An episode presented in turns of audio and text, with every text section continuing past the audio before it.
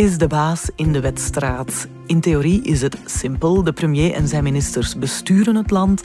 De deelstaatregeringen besturen de deelstaten. En de partijvoorzitters besturen hun partij. Maar simpel is het natuurlijk nooit in ons land. En in de praktijk blijken die partijvoorzitters toch wel heel erg zwaar te wegen op het beleid. Hebben ze te veel macht? We vragen het aan Bart Brinkman, senior writer van onze wedstraatredactie. Het is woensdag 17 augustus. Ik ben Marian Justaert en dit is Vandaag, de dagelijkse podcast van De Standaard.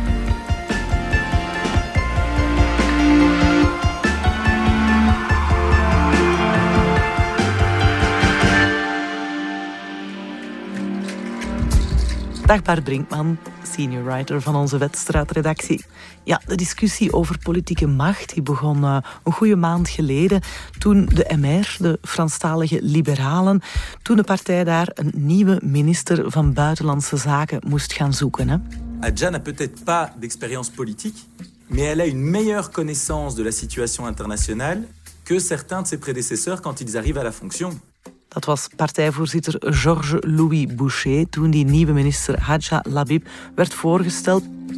Zweer getrouwen aan de koning, gehoorzaamheid aan de grondwet en aan de wetten van de Belgische volk. Zijn woorden waren nog niet koud of het spel zat al op de wagen. Vertel eens. Ja, dat klopt. Omdat het uh, natuurlijk een complete verrassing was. Zeker aan Vlaamse kant had men nog nooit over haar gehoord. Toen ze binnenkwam op de persconferentie vroegen velen zich af wie is die vrouw. Het is natuurlijk misschien niet zo ongewoon, zeker in deze regering, dat iemand niet uit het parlement komt, maar toch minister wordt. Er zijn andere voorbeelden. Frank van den Broeke, Nicole de Moor, Annelies Verlinde. Dus het begint stil aan een gewoonte te worden. Maar het was ook iemand die eigenlijk niks te maken had met politiek. Deed ook niet aan politiek, stond ook niet op een lijst. Was journalist bij de RTBF. En dat was dus uh, zeer verrassend. Ja, wat was dan uiteindelijk de concrete kritiek op haar als persoon? Ja, je hebt mensen die vinden dat je uit het parlement moet komen. Dat het een blamage is voor het parlement als, als er iemand uh, extra parlementair, ja. onverkozen, iemand die zich nog nooit heeft aangeboden aan de kiezer, dat die wordt verkozen een tweede punt is natuurlijk, buitenlandse zaken is niet zomaar een departement. Het is een departement met een geschiedenis.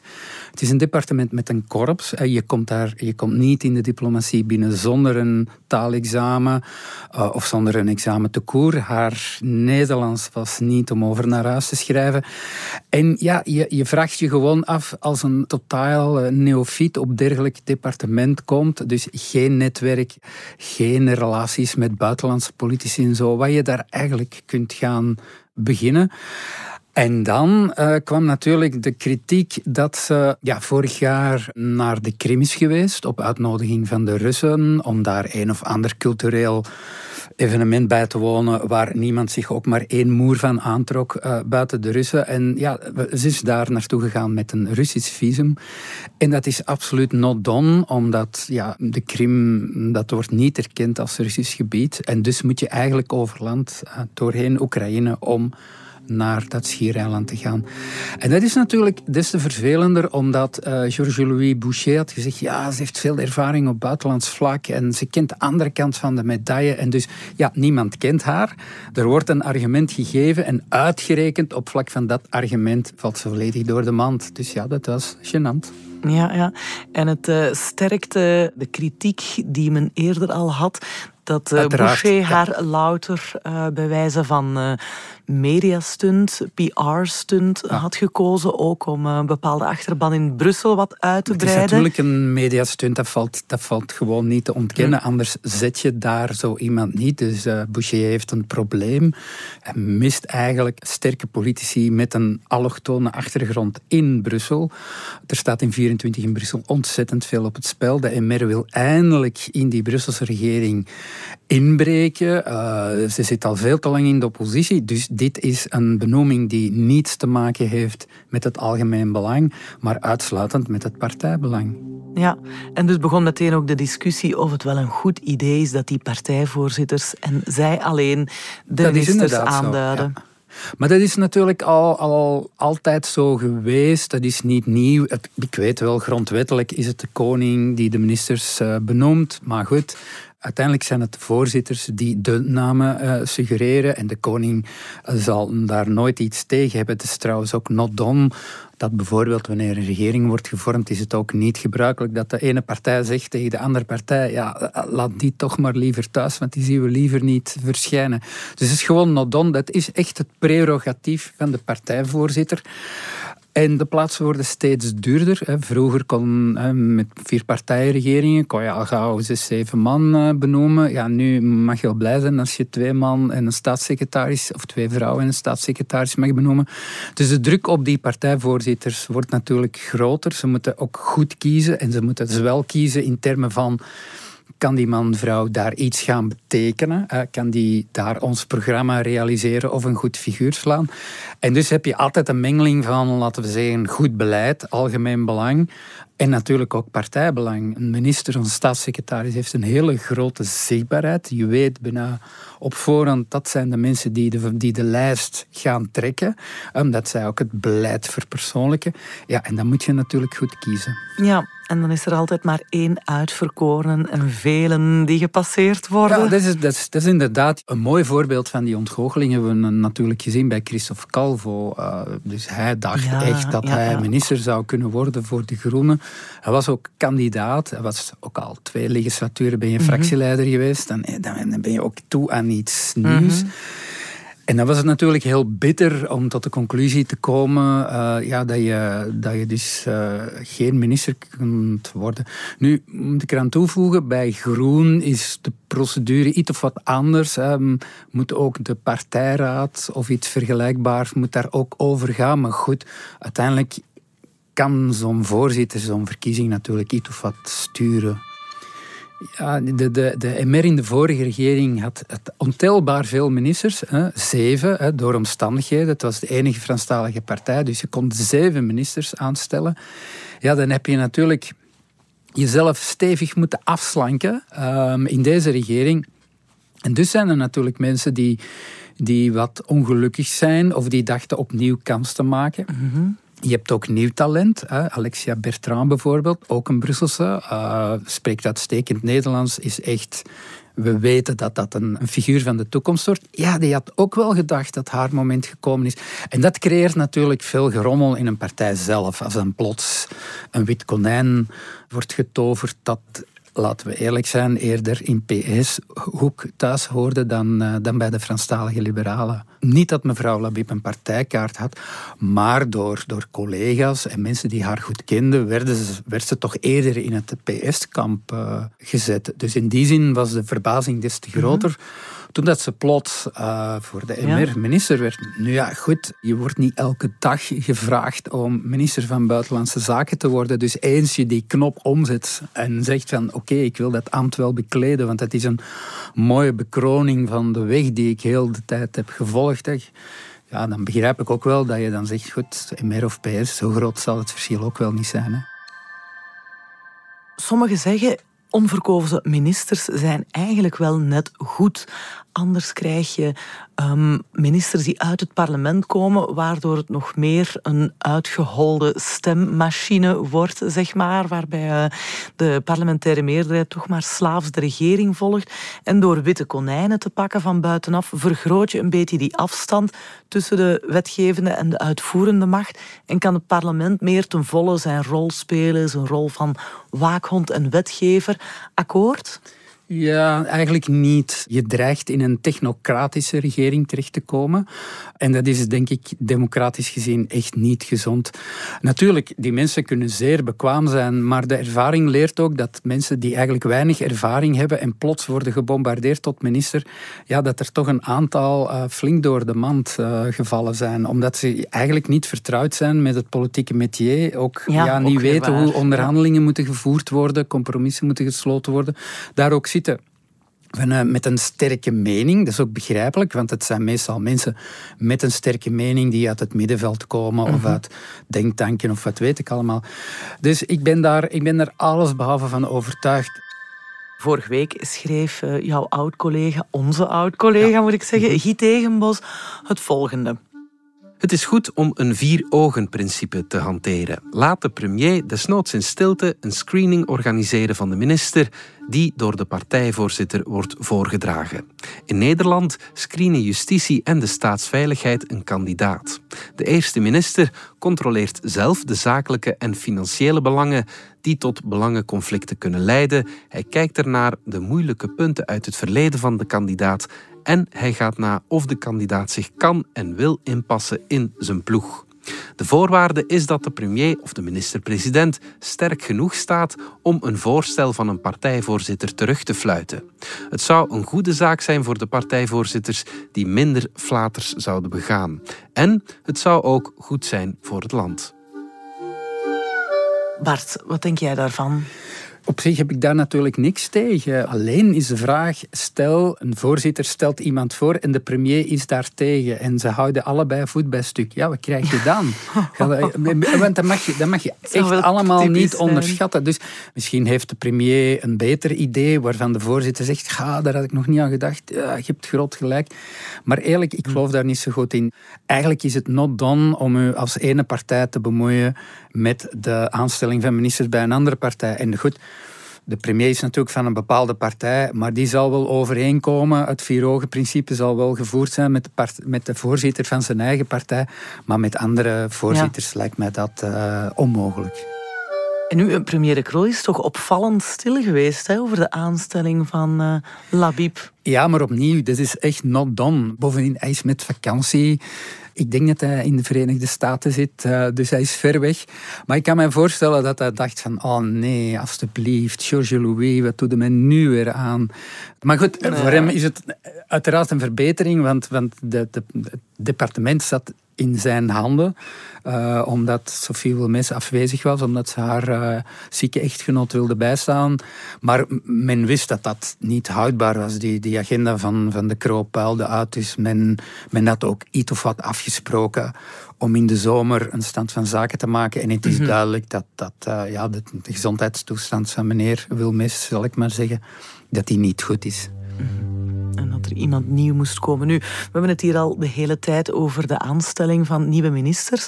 Maar als we dan kijken naar die figuur van de partijvoorzitter, de macht van zo'n voorzitter reikt wel een heel pak verder dan dat. Absoluut. Hè? Ja, ze, ze beslissen over heel veel geld, want die partijen zijn toch zijn stinkend rijk. Om het een beetje populistisch te zeggen. maar, het begint al bij het regeerakkoord. Ja, absoluut. Die partijvoorzitters zijn de deelmakers. Ja. De... Dat is inderdaad zo dat daar het gewicht van de partijvoorzitters nog zwaarder weegt. Het zijn echt de dealmakers van een regering. Het zijn voor een stuk ook de stabilisatoren van een regering. Zij hebben het regeerakkoord samen gemaakt, enfin, dikwijls met medewerkers en met andere gewezen ministers, maar zij hebben het bekrachtigd. Zij stellen het ook voor aan de achterban. Zij vragen het vertrouwen uh, daarop. Dan kunnen ze vervolgens de regering het vertrouwen geven.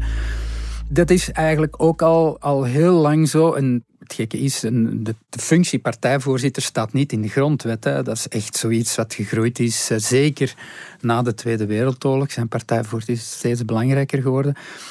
En, ja, vanaf dat er, dat er, laten we zeggen, heel moeilijke akkoorden mm, werden gesloten, bijvoorbeeld rond de staatshervorming, ja, dan zie je ook het parallele circuit. Je hebt aan de ene kant de regering en aan de andere kant had je partijvoorzitters die zich bezighielden met ja, pakten zoals het Egmondpact, het Schoolpact en, en dat soort dingen meer. Dus het belang van een partijvoorzitter kan inderdaad niet onderschat worden. We gaan er even uit voor een korte boodschap. Ondernemen. Het start altijd met een idee. Dat was dan het idee van we moeten een verzorgingsproduct maken dat eerst en vooral goed werkt, dat ook wel helemaal gezond is en ook goed is voor de planeet. Acteur Matthijs F. Schepers sprak met vijf jonge ondernemers die duurzaamheid hoog in het vaandel dragen. Zoals Thomas en Hilde van het verzorgingslabel Ray. Benieuwd hoe deze starters hun ideeën hebben waargemaakt? Ontdek De Waarmakers, een podcast van Proximus. Proximus. Think possible. We zijn terug bij vandaag met wedstraatredacteur Bart Brinkman. Tegenwoordig lijkt er geen maand voorbij te gaan of je hoort een partijvoorzitter van een meerderheidspartij dan nog wel kritiek geven op de regering. En dan kan het uh, Georges-Louis Boucher van de MR zijn, maar evengoed de nieuwe CD&V-voorzitter Sami Meri, die zich ook enorm profileert. Als je kijkt naar de voorbije tijd, stel ik vast dat er partijen zijn die denken jeugdverenigingen jongeren te moeten betuttelen op het moment dat ze op kamp trekken en daar al dan niet een pintje zouden drinken. Of Conor Rousseau van Vooruit, die uh, kritiek heeft op het federale beleid bijvoorbeeld. Maar ik vind het er volledig over. Ik vind het echt erover. Ja, dat zijn toch stoorzenders. Op die manier verzwakken zij toch de macht van de regering. Het is een absolute ellende al die voorzitters die zich mooien. Een absolute ellende. Twintig jaar geleden was het gewoon ondenkbaar. Zeker ten tijde van de Hanen, spreek eind jaren 90. Totaal ondenkbaar dat voorzitters van meerderheidspartijen zich even gingen mooien. Maar het tekent ook het tijdsgevricht. Hè. Dit is een, een, een regering met zeven partijen. Ze zitten allemaal tussen de 10 en de 15 procent. En ze vechten allemaal voor hun overleven. Het is existentieel. En, en zeker bij CD&V, maar ook bij VLD, goed, vooruit uh, lijkt zich een beetje te kunnen te herpakken. En in Wallonië heb je dan de tweestrijd tussen uh, de liberalen en socialisten om het marktleiderschap. Dus iedereen heeft wel een reden om lawaai te maken. En dus probeert men zich te profileren. En dat gaat altijd ten koste van de regering. En dan weet ik wel, dan zegt Alexander de Koop, maar uiteindelijk, wij, zijn, wij werken goed samen, wij zijn uh, met de vicepremiers en dat gaat allemaal heel goed. Maar dat is natuurlijk flauwekul, omdat die burger krijgt voortdurend lawaai van de ene kant of van de andere kant. Het staat ook haaks op wat de rol van een goede partijvoorzitter moet zijn. En dat betekent dat je de regering ademruimte geeft, toelaat om goed te functioneren. Om te regeren een en ander bij te sturen, zo te vragen van zeg, hoe zit dat daar en kunnen we dat niet oplossen. Ik bedoel, dat is ook een informeel circuit dat eigenlijk mee de stabiliteit of de slagkracht van uw regering kan kan, mhm. kan, kan versterken. Maar als ze natuurlijk erop uit zijn om reclame te maken voor zichzelf en hun eigen ego en om te vertellen hoe fantastisch ze zelf wel zijn, maar wat voor idioten de andere partijen, zoals Medi uh, op dag één van zijn voorzitterschap heeft gedaan, ja, dan zijn we natuurlijk wel heel ver van huis.